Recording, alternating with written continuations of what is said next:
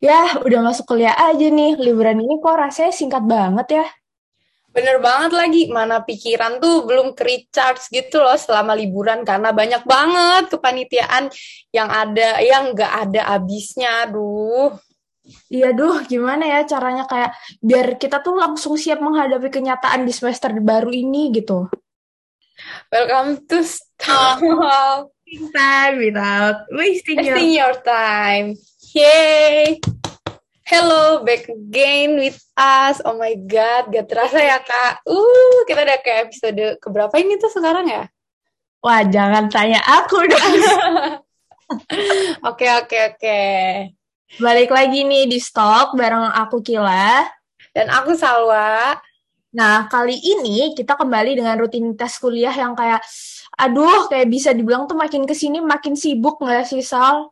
Iya bener banget, ya Allah takut banget Lodge. By the way ini episode hari ini tuh kita bakal bahas apa nih kak?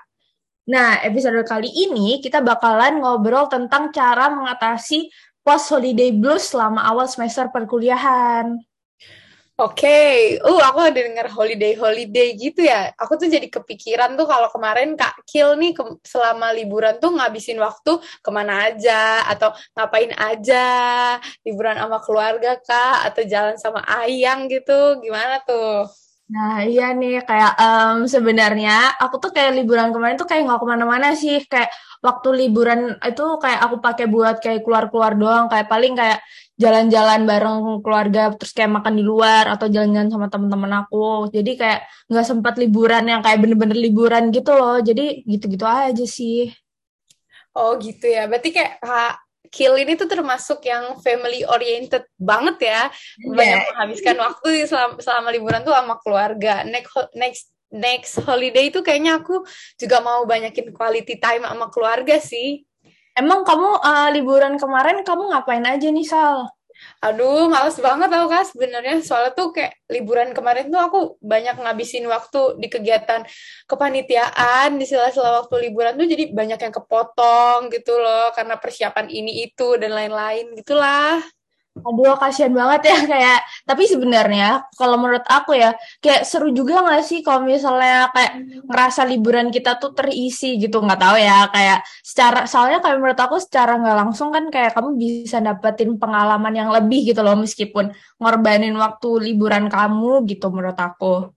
Iya sih Kak, bener banget kayak dari selama liburan ini tuh mungkin karena meskipun aku ikut kepanitiaan nih, tapi banyak banget sih manfaat yang aku dapat kayak eh, pengembangan kayak soft skills gitu juga, terus kayak relasi, belajar banyak banget dari cutting-cutting dan lainnya.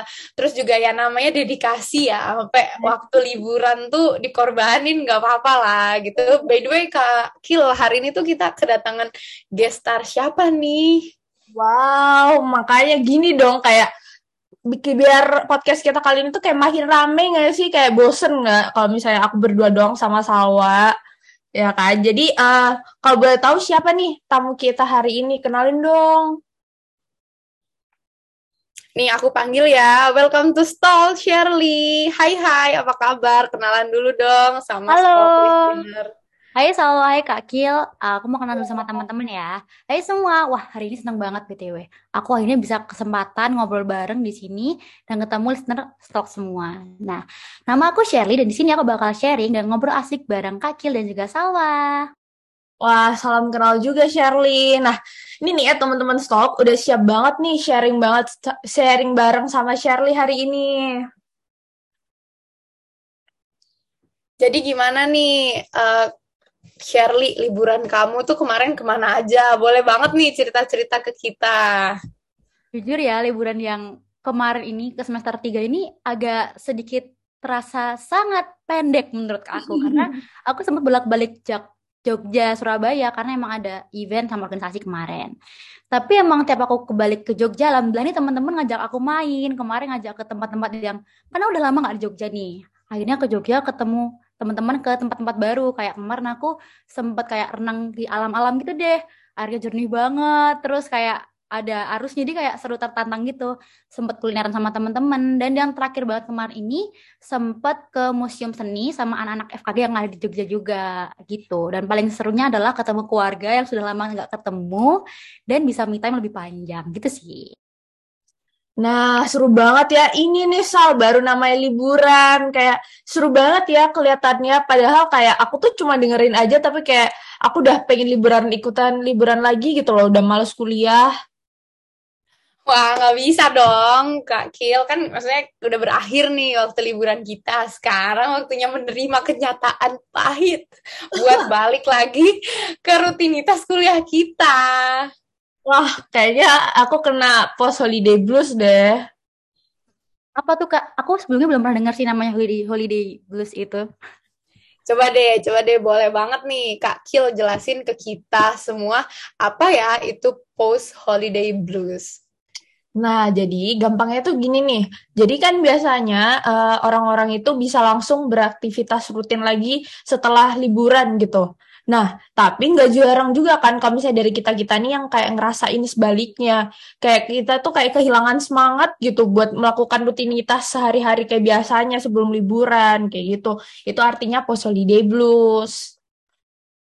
Oh gitu ya. Tapi kalau aku pikir-pikir tuh hmm, kayaknya aku juga pernah sih ngalamin uh, yang apa yang post holiday ya bener banget ya Allah aku tiba-tiba nge-freeze gitu. Aku tuh kayak pernah banget sih ngalamin post holiday blues di mana hilangnya semangat gitu ya saat diterpa kenyataan pahit yang kayak tadi aku sebutin ya, balik usai liburan. Apalagi tuh kita sama liburan ini nggak tenang gitu loh. Soal ada kayak pembagi kayak baru keluar IP gitu loh. Ya kayak wow itu sangat mengguncang. Bagongkan ya. ya, ya, ya kan mengguncang kesehatan mental sekali hmm, gitu loh. kalau uh, Shirley sendiri nih pernah nggak ngalamin post holidays blues gitu? Kayak tiba-tiba males banget buat balik lagi kuliah nih setelah liburan panjang yang berakhir gitu Jujur sih kalau ngerasa langsung males setelah liburan dan harus siap-siap kuliah lagi tuh pastinya ya. Karena kayak udah beberapa minggu seneng-seneng, leyeh-leyeh, tiba-tiba harus siap lagi gitu. Tapi sebelum ini aku emang gak pernah denger yang namanya holiday blues ini. Aku kira ya sekedar males-males aja gitu sih Sal dan Kak. Hmm, iya, iya, iya. Bener, bener, bener. Kayak Iya sih, emang gak menutup kemungkinan kalau semua orang tuh bisa aja terkena sindrom post holidays blues ini. Tapi iya sih, emang ini topik yang jarang banget nih dibahas. Makanya tuh kayak termasuk yang seru banget kan untuk dibahas gitu. Kalau cara ngatasinnya tuh kira-kira gimana nih? Kalau dari Kak Kil mungkin ada saran-saran gitu. Waduh, kalau udah kejadian begini nih, kayak pasti ada dong solusinya. Kayak inget gak sih, tau nggak slogan Gojek pasti ada jalan keluar. Jujur aku baru tahu banget loh Kak Kil kayak aku baru tahu bahkan Gojek tuh punya slogan. jadi jadi gini ya entengnya tapi kayak setiap orang tuh sepertinya kayak punya cara sendiri-sendiri gitu loh buat ngatasinnya. Nah, mumpung kita nih lagi sama Shirley nih, gimana nih menurut Shirley cara ngatasinnya? Jujur ya kak ya, tadi kan aku cerita tuh. Dulu tuh nggak ngerti kalau tuh emang ada sesuatu yang namanya post holiday blues tadi. Jadi aku kira ya emang malas-malas aja gitu. Terus uh, sejak itu aku coba memahamkan dan menanamkan kepada diriku kalau oh liburan itu produktif sih memang harus ya, tapi bukan berarti produktif itu harus yang mengeluarkan produk atau belajar akademis gitu loh. Jadi kayak yang penting produktif itu ketika aku bisa seneng lagi gitu. Bisa aku dengan mengisi hobi atau bisa bareng teman-teman, ketemu keluarga dan lain sebagainya gitu. Dan kalau aku pribadi, aku tuh orangnya suka ngeplan jangka panjang. Jadi selama liburan pun aku tuh suka ngeplan, oh aku mau liburan ngapain aja ya, sama siapa ya. Terus uh, bahkan kadang eh semester selanjutnya bakal ada event atau kegiatan apa. Jadi aku bisa nulis nih persiapan semester depan itu mau ngapain aja. Aku kayak gitu sih kurang lebih. Kalau Salwa dan Kak Kil gimana nih? Wah, kalau aku kayaknya aku tuh biasanya kayak ya udah kalau bisa aku kayak lebih ngikutin arus gitu loh kayak entar juga nggak males-males sendiri. Kalau selalu gimana nih? Kalau aku aku setuju sih kayak karena aku tahu ya liburan aku tuh sedikit jadi aku lebih kayak ngeplain mau pergi ke mana aja terus mau keluar sama siapa aja jadi tuh kayak mempersiapkan diri lebih banyak gitu loh. Jadi bahkan aku tuh kadang tuh bisa sampai yang kayak janjian sama temen aku kayak besok kita pakai dress code ini ya gitu-gitu loh. Lucu banget ya ya ampun. Sampai bahkan bajunya aja di plan ya Sal ya. Hmm, ya. Kalau lagi niat sih aku biasa gitu, tapi ya jarang sih. Nah, setuju banget nih kayak tadi tanggapannya apa Shirley tadi ya kayak kalau misalnya gimana ya cara kita mengatasin kalau misalnya biar kita nggak males itu ya. Tadi itu dia dengan cara bisa produktif terus bisa ngisi-ngisi hobi terus kayak ngeplan kayak liburan itu mau ngapain aja. Jadi kayak merasa ya udah liburan yang dengan waktu yang singkat itu kayak sudah cukup gitu. Jadi ntar waktu ke rutinitas balik ke rutinitas kita bisa semangat lagi kayak gitu kan. Betul banget, Kak. Uh, uh, mungkin kalau misalnya kalau dari aku ya kayak cara ngatasin hal tersebut kadang tuh aku tuh kalau bener-bener males, aku tuh kayak apa ya kayak nyari teman-teman aku. Soalnya kan kayak biasanya tuh kayak teman-teman aku kan ada gitu lah yang bersemangat kuliah kayak hari pertama langsung nyatet gitu kan. Ya udah. aku kan biasanya kan orang-orang tuh yang kayak udah semester depan aku harus lebih rajin kayak gitu kan. Setelah ditampar IPK itu biasanya Iya bener banget tau kak. Aku sama temen aku juga kayak gitu. Rencananya sih tobat. Tapi nggak tahu pertengahan nanti tuh paling udah buyar lagi. Eh, tapi nggak apa-apa lah. Seenggaknya kan kita ada dorongan lah ada niat lah paling enggak lah ya, ya bener, bener banget setuju sih kak. dan sama kayak menurut aku juga lingkungan itu sangat-sangat mendukung ya, apalagi teman yang suportif. Kayak uh, kalau misalnya kita cuma malas-malasan selama liburan aja dan nggak bahkan nggak berteman atau sharing sama teman kita kan kayak nggak ada motivasi, nggak ada apa gitu. Terus kan tadi aku juga cerita misalkan ngeplan nih mau keluar sama siapa. Karena menurut aku ketika aku apa hangout sama teman-teman tuh pasti bakal ada yang sharing hobinya mereka lagi suka apa nih, ada yang lagi bisnis apa nih gitu. Bakal ada yang ah aku mau exchange, aku mau apa. Menurut aku dengan cerita itu udah membangkitkan motivasi gitu loh untuk semester depan mau gimana gitu nggak sih? Iya, bener banget, bener banget sih. Oke, kita lanjut nih. Tapi aku mau flashback aja sih. Nah, kan kalau kalian tuh um, menurut Kak Kill sama menurut Shirley itu kan banyak ya cara yang bisa dilakukan buat uh, gimana ya membuat diri ini menjadi lebih produktif gitu dalam liburan biar nggak terbuang sia-sia. Kalau menurut kalian tuh liburan yang bisa produktif dan bermanfaat itu tuh yang gimana sih? Dan diisi sama kegiatan yang ngapain aja tuh kira-kira? Apa belajar terus terus terus gitu? Atau diisi sama kegiatan lain tuh biasanya? Coba aku mau cerita ya versi aku nih. Kalau yang aku sampaikan tadi emang aku orangnya selama liburan tuh harus punya mindset produktif itu yang penting membahagiakan diri sendiri gitu nggak harus selalu tentang belajar tapi ya kalau mau belajar itu poin yang bagus gitu. Nah biasanya di tengah-tengah liburan tuh ya aku tadi tuh nulis ngeplan, ah aku mau olahraga, mau nyanyi, mau nonton film, ngelakuin hobi yang sama temen-temen. Yang penting beberapa minggu depan tuh aku seneng, tenang dan gak stres karena semester depan bakal ada banyak pressure yang datang gitu ya. Jadi harus mempersiapkan diri gitu. Nah dengan nulis-nulis kayak tadi itu menurut aku, aku pelan-pelan bakal ngelakuin hal-hal yang produktif tadi itu secara uh, kebiasaan. Kan lama-lama kalau misal awal masuk kan tadi kan ah males, males, males gitu. Tapi kalau dari zaman liburan kita udah punya hal-hal positif yang kita lakuin, menurut aku itu bakal kebawa nih sampai kita masuk nanti gitu. Nah, setuju banget sih. Kalau soalnya ya, kalau menurut aku waktu kita liburan terus kita isi dengan belajar, menurut aku kayak bakal penat banget ya rasanya. Soalnya kan kayak kita udah sebelumnya kita udah produktif belajar, terus masa waktu liburan kita belajar lagi kan kayak aduh pusing ya kan. Yeah, nah, jadi soalnya menurut aku kita tuh dikasih waktu liburan itu tuh niatnya emang buat istirahat gitu loh. Masa iya kita belajar lagi? Jadi aku setuju banget sama Shirley tadi kayak kita harus ngeplan gitu kayak biar bisa lebih produktif gitu ya. Iya kak kayak apalagi sejak kuliah ini ya Sal dan Kak Cil. Kayak aku sadar namanya liburan tuh ya buat libur buat happy. Tapi kalau emang ada kewajiban ya kerjakan aja kewajibannya. Kalau misal mau ada waktu luang ya dipakai bener-bener gitu loh. Aku sih gitu Ya, benar banget. Jadi kayak uh, selain itu kan bis, kita tuh bisa kayak mengisi kegiatan liburan dengan hobi-hobi kita yang kayak nggak bisa terlaksana waktu kita rutinitas sehari-hari gitu loh. Kayak misal nih kita liburan muncak atau kayak kita harus apa kayak bersepeda gitu kan. Kan sekarang lagi booming ya. Cuma karena kita kuliah pagi, jadi kayak uh, kurang sempet gak sih ada waktu buat ya. ada kan butuh waktu yang banyak tuh kayak bener gitu. banget sih aku juga aku setuju sih kayak aduh sekarang tuh kayak liburannya ya mepet mepet gitu ya jadi tuh emang harus dijadwalin banget. Aku tuh jadi keinget banget pas aku zaman-zaman masih maba gitu yang baru keterima dapat ucapan hey, selamat masuk FKG itu tuh aku ngerasa liburan tuh kayak panjang banget kan. Panjang banget itu sampai bener-bener bosen nggak tahu lagi mau ngapain. Itu tuh beneran yang mana pas itu pandemi juga kan. Itu tuh pas masa-masa yang baru banget jadi maba tuh kerasanya tuh waktu ya waktu udah waktu tuh lama banget terus juga rasa bosen. Jadi tuh kan pengen banget nih cepet-cepet jadi anak kuliahan. Pengen banget cepet-cepet rasain gimana tuh rasanya jadi maba. Kalau Shirley tuh dulu sempet nggak ngalam, ngalamin kayak rasa-rasa yang kayak gitu tuh? Ini nice question banget nih. Jujur waktu awal-awal keterima tuh ya pasti kan kayak FOMO kayak wah kuliah bener lagi. Dulu kan kayak SMA SD pakai seragam nih. Kalau kuliah kan baju bebas gitu ya mikirnya ayolah pandemi bisa cepet normal lagi baju baru. Kan pakai baju bebas tuh ketemu teman-teman baru kan seneng tuh.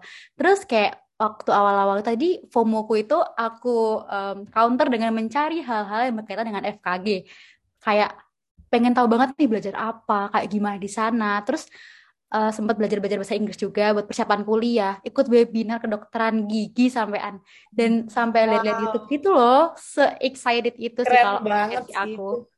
Nih itu niat banget ya apa ikut webinar kedokteran gigi. Aku sekarang yang udah mahasiswanya aku nggak kepikiran sih buat ikut webinar ah, pas liburan. Kan kayak aduh kuliah bener-bener wah persiapan banget nih kesannya yeah. gitu iya. loh. Masih maba, masih maba. Sekarang ya. Maba, bener banget.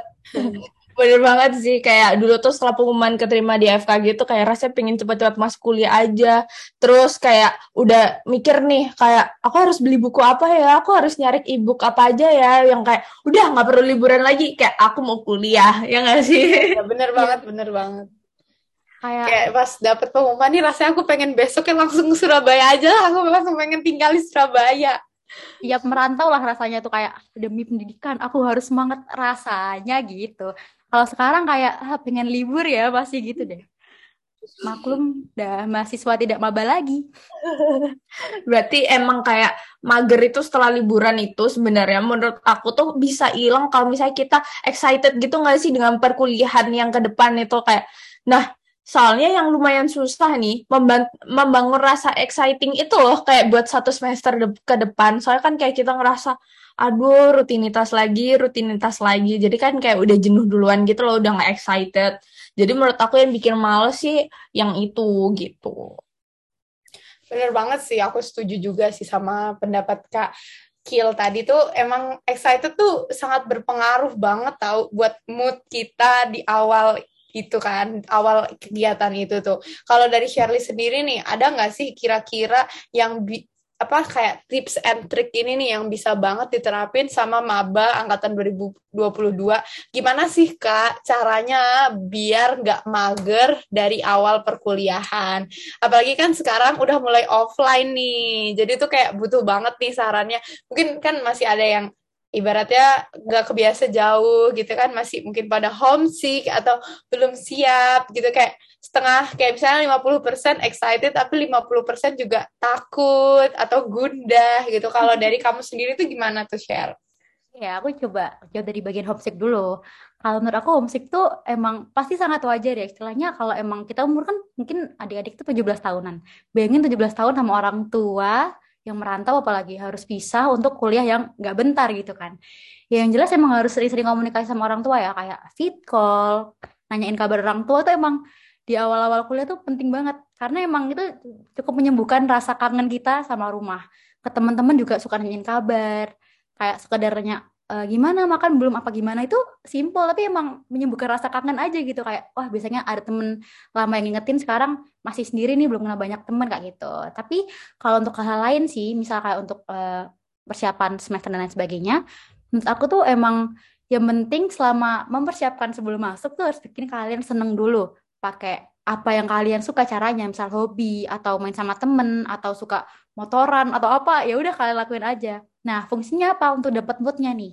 Kalau udah dapat moodnya, nanti bisa tuh ngeplan, oh kuliah tuh harus belajar kayak gimana. timelinenya gimana kalau kuliah tuh belajarnya supaya nggak berantakan misal tidurnya cukup dan lain sebagainya karena emang jujur tuh susah tapi seenggaknya kalau kita usaha untuk ngeplan tuh nggak miss-miss banget itu loh jadwal istirahat dan belajarnya terus uh, selain itu bisa uh, kan lama-lama terrealisasikan tuh pelan-pelan. Itu emang nggak cepet ya buat teman-teman. Karena menurutku dengan nulis tadi kan pelan-pelan jadi kebiasaan tuh. Sehingga tubuh kita tuh punya rasa atau yang otomatis kayak wah aku harus memisahkan diri nih untuk bisa belajar tepat waktu, bisa istirahat tepat waktu. Dan kalau misalnya di kita cari-cari informasi mengenai uh, misal oh semester depan matkulnya ini nih, itu tuh juga ada rasa semangat excited tadi supaya menghadapi semesteran ke depan itu tetap semangat dan nggak takut dan bingung gitu sih menurut aku. Nah, setuju banget nih. Aku suka banget tadi jawaban Shirley nih. Bisa banget dicatat buat maba-maba angkatan 2022 yang baru aja masuk ke FKG. Itu kayak penting banget ya buat menjalin komunikasi yang baik untuk membangun mood. Terus buat juga kalau moodnya baik juga bakalan uh, gimana ya bakal mudah gitu loh setiap kegiatannya. ya, efektif ya Sal ya? Ya ya bener banget bener banget. Kayak bakal bisa efektif bakal bisa lebih efisien. Kayak yang penting tuh jangan sampai kita tuh buang waktu buat hal-hal yang nggak penting gitu loh ya kan bener banget oke okay.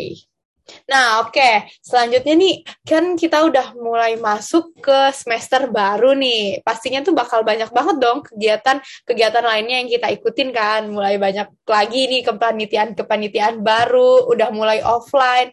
Yang mana itu tuh bakalan capek banget gak sih? Aduh, aku ngebayanginnya itu aku udah males banget. Aku harus offline mulai pagi, kuliah, belum lagi rapat, belum lagi ada event-event lainnya. Kalau kalian tuh ada bayangan gak sih nanti rutinitas kalian tuh bakalan ngapain aja nih, Kak Kil sama Shirley dulu deh. Nah, mungkin uh, aku mau menjawab nih kesibukan apa semester depan tuh aku bakal kayak gimana. Jadi tuh uh, setelah aku pikir-pikir ya, kan biasanya kan semester-semester lalu itu tuh aku bangun apa kayak kelas jam 7 ya udah bangun jam 7 kurang 5 gitu kan. Tinggal ya, langsung juga tuh. Tapi online Kak. Iya kan, nah sedangkan kalau misalnya kita sekarang offline terus kelas jam 7 itu kayak kita harus siap-siap dulu kayak ada effortnya gitu loh. Nah, jadi menurut aku uh, semester depan ntar kita kuliah tuh menurut aku bakal hektik banget sih soalnya aku juga ikut beberapa kepanitiaan yang mengharuskan aku kayak ke kampus tuh Sabtu Minggu pun itu kayak aku harus datang gitu pagi-pagi yeah. kampus. Jadi menurut aku semester depan tuh aku bakal hektik banget sih. Tapi ya udah kita berusaha buat menjalaninya aja gitu. Kalau yeah. share gimana nih? Bener banget sih. Udah kayak jadi saya mendengar cerita Kak Kila aja kayak udah wow, semester atas sudah mulai sibuk gitu. Bahkan kita yang baru naik semester 3 aja juga ngerasa sibuk banget nih kayak matkulnya jauh lebih banyak dibanding matkul semester lalu misal. Ya, Terus naik semester pasti kan uh, ada ikut event, ikut organisasi sama kayak Salwa tadi kan. Dan tiap acara itu persiapannya nggak bentar gitu loh. Kayak lama mengembukan waktu, tenaga dan juga pikiran. Tapi apa ya, dari semua itu pasti ada hikmahnya suatu saat nanti ya. Terutama kita sebagai mahasiswa walaupun capek dan letih gitu ya emang harus tanggung jawab aja gitu. Tapi ya gimana lagi? Itu yang emang kewajiban kita jadi ya dilakuin aja kalau menurutku gitu Aduh, iya sih, aku juga sama sih mikirnya tuh bakal sibuk banget ya. Bayanginnya itu kayak, wow, kepanitiaan ini itu kuliah yang matkulnya banyak banget. Itu tuh kayak jiwa ragaku udah terasanya ketahan gitu loh di kasur rumah ya. Aduh, ya Allah, gimana ya kalau buat teman-teman maba angkatan 2022 tuh nih, apalagi pasti sibuk juga kan dari mulai sibuk beradaptasi sama lingkungan perkuliahan yang cukup beda sama dulu gimana waktu SMA. Jadi mikir tuh kalau misalnya sibuk tuh pasti susah nggak sih nyari-nyari waktu istirahat? Nah, kayak bisa dong Sal, kayak kita tuh nggak boleh kayak udah apa ya kayak udah minder duluan wah aku pasti tertekan banget nih aku nggak punya waktu liburan. Nah tapi sebenarnya kita tuh sebenarnya tuh kayak masih bisa menyisihkan waktu gitu loh. Kalau misalnya kita tuh kayak harus tahu nih prioritas kita tuh yang mana. Jadi kita harus nyelesain kewajiban-kewajiban kita dulu gitu loh Jadi kayak kamu bisa bikin kayak schedule gitu loh kayak uh, biar apa ya kayak sehari-harimu tuh kayak terencana. Jadinya kayak nggak ada yang keteteran. Jadinya sebenarnya waktumu yang misal nih kalau misalnya kamu produktif terus menurut aku pasti ada sisa waktu gitu loh yang bisa kamu buat kayak healing bisa jalan-jalan ke mana atau nonton kayak gitu.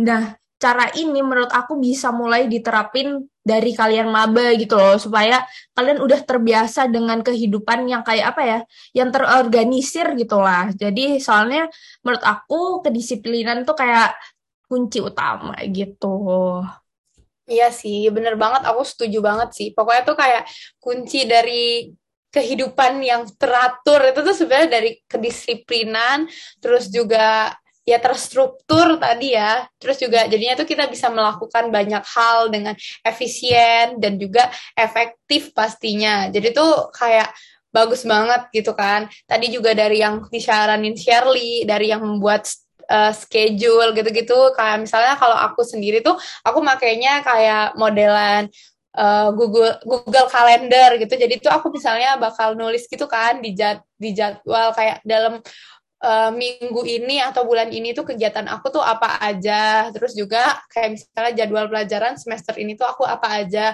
Jadi tuh aku dari situ aja aku tuh bisa ngeliat kira-kira kapan nih aku punya waktu kosong kapan aku punya waktu yang free time banyak. Gitu kan bisa aku isi dengan kegiatan-kegiatan yang aku senangi. Misalnya dari me time ataupun ya healing gitu kan ngelakuin hal-hal yang aku suka bareng temen aku bareng keluarga aku gitu sih. Tapi kalau misalnya dari Shirley nih gimana tuh caranya biar bisa tetap ada waktu buat istirahat di sela-sela kesibukan yang menerpa ini? Jujur sih kalau aku juga mirip-mirip ya sama Kak Kil sama Salwa juga. Yang pertama tuh emang dari awal semester udah ada KRS nih dari jadwal kalau misalnya udah ada harinya langsung masuk ke Google Calendar. Di set kira-kira UTS kapan UAS kapan. Kan udah ada kalender akademik biasanya. Nanti taruh di sana semua. Jadi otomatis setiap hari tuh tahu oh jam segini bakal matkul apa jam segini bakal ada apa. Jadi nggak perlu takut lagi ada yang miss istilahnya gitu. Dan biasanya kalau uh, Google gitu kan ada remindernya kan sebelumnya. Jadi kayak oh udah lebih ready nih untuk menyiapkan kelas gitu. Itu kan untuk secara keseluruhan satu semester. Dan karena aku dari kebetulan tuh aku mengimplementasikan. Karena emang dari kecil aku suka ngeplan ngeplan gitu ya. Jadi oh, paling penting juga itu schedule harian sih. Karena walaupun kita udah membuat schedule secara keseluruhan satu semester itu pasti kan ada tambahan. Tiba-tiba rapat tiba-tiba ada tugas harus buat video tugas kelompok sama temen gitu-gitu. Itu benar, uh, biasanya sebelum tidur nih aku cek oh besok ada apa? Aku tulis misal jam 10 sampai jam segini mau ngapain? Terus jam 13 sampai jam 15 mau ngapain? Tuh aku tulis setiap sebelum tidur supaya eh, nggak uh, terlalu berantakan kalau memang ada gesekan waktu ya. Nah dengan begitu karena kebiasaan alhamdulillah emang semuanya lancar gitu loh. Jadi nggak takut ada yang gimana gimana gitu. Dan ini paling penting dan paling aku sadarin setelah aku kuliah.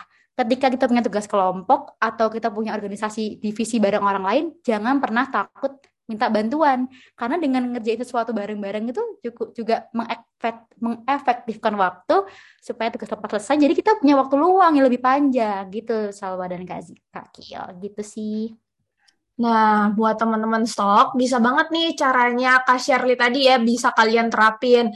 Nanti kalau misalnya berhasil, bisa kasih testimoni nggak sih ke kita? Boleh banget, ntar calling-calling sama aku aja, kasih testimoni dan sharing-sharing gimana cara bagi waktu.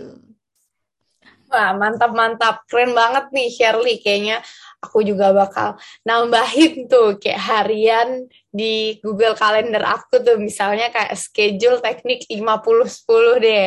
50 menit belajar, 10 jam istirahat. Sama nggak gitu juga sih ya. Aduh.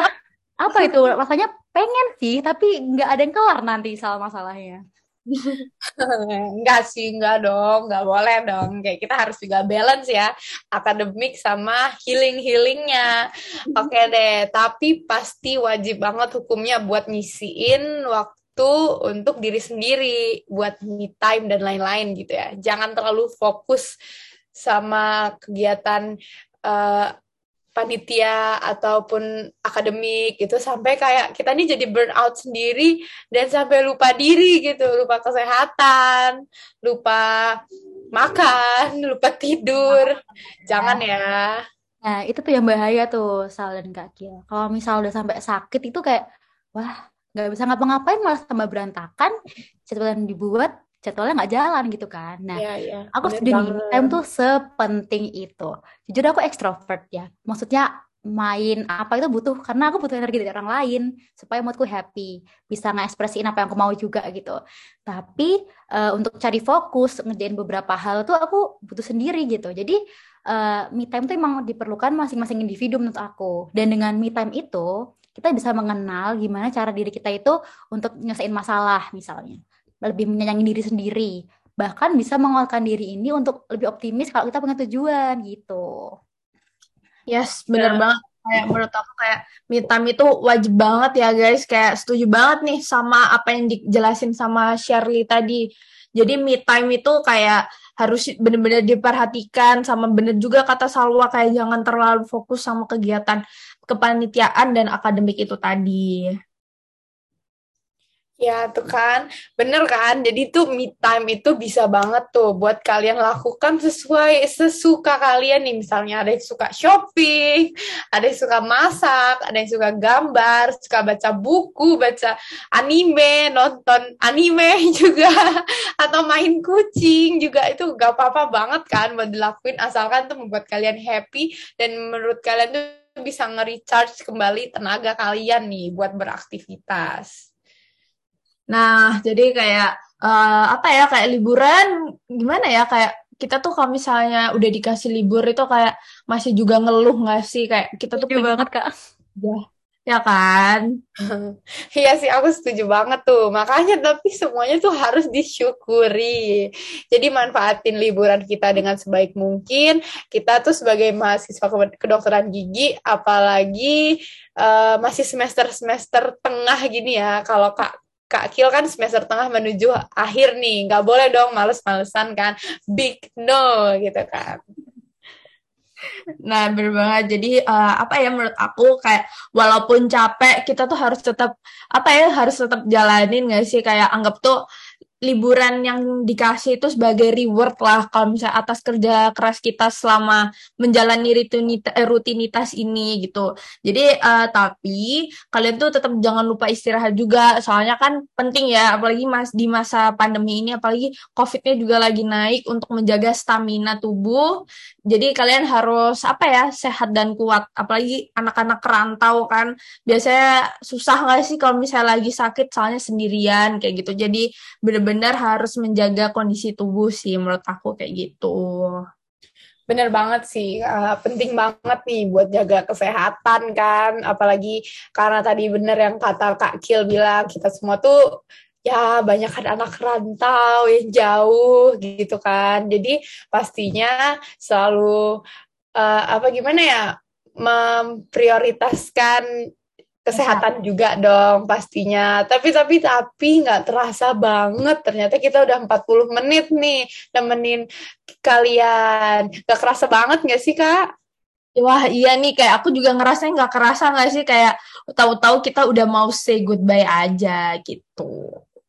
Ya, sekarang aku mau ngucapin special thanks kali ini buat guest kita hari ini. Wuh. Makasih banyak ya udah mau sharing dan chit-chat untuk ramein stok episode stok kali ini nih. Mungkin ada beberapa pesan pes- pesan kesan atau hal-hal lain yang ingin disampaikan ke listener stok nggak share? Ya, sebelumnya aku mau makasih banyak buat Stok karena udah invite aku untuk join ngobrol yang menyenangkan dan bermanfaat pada hari ini. Dan buat teman-teman yang denger juga makasih banget. Dan untuk listener Stok, jangan lupa untuk selalu bahagia, dimulai dari mengenali diri kamu, misal tadi dengan me time, kayak yang udah kita bahas, supaya kita bisa produktif ke depannya dan bisa melakukan segala sesuatu yang kita mau dengan seefektif mungkin. Intinya tadi tuh udah sharing hal-hal yang sangat penting untuk diterapkan. Jadi jangan lupa diterapin, diterapin ya teman-teman gitu. Nah wah keren banget nih ya Shirley kayak aku mau ngucapin kayak sukses terus buat Shirley. Semoga Amin. next time semoga kita bisa undang Shirley ke episode stock yang lain ya. Aku Jadi tunggu kak. we're so thankful for having you in this episode. Oke kak, mantap ya Shirley. Wow, terima kasih banyak. Nah, untuk closingannya nih aku mau pantun nih kak Kill. Gimana tuh? Biar makin cakep gitu. Keren juga idenya boleh tuh, tapi kayak aku sekarang lagi nggak ada ide pantun nih. Emang kamu punya? Aku ada sih kak, tapi mungkin emang agak garing ya, seperti personality aku. Tapi bilang aja cakep gitu. Oke. Oke. Oke, jalan-jalan ke Jakut beli somai. Cakep. Ada bebek digendong suster ngesot. Cakep. Jangan takut, kita bilang say goodbye. Masa aku bilang cakep lagi? ya dong, ayo dong kak. Biar cakepnya tuh ada tiga gitu. Oke. Cause we will back to you next episode. Oke. Hey. Dadah. You Itu semuanya. And see you next episode. Bye. Bye.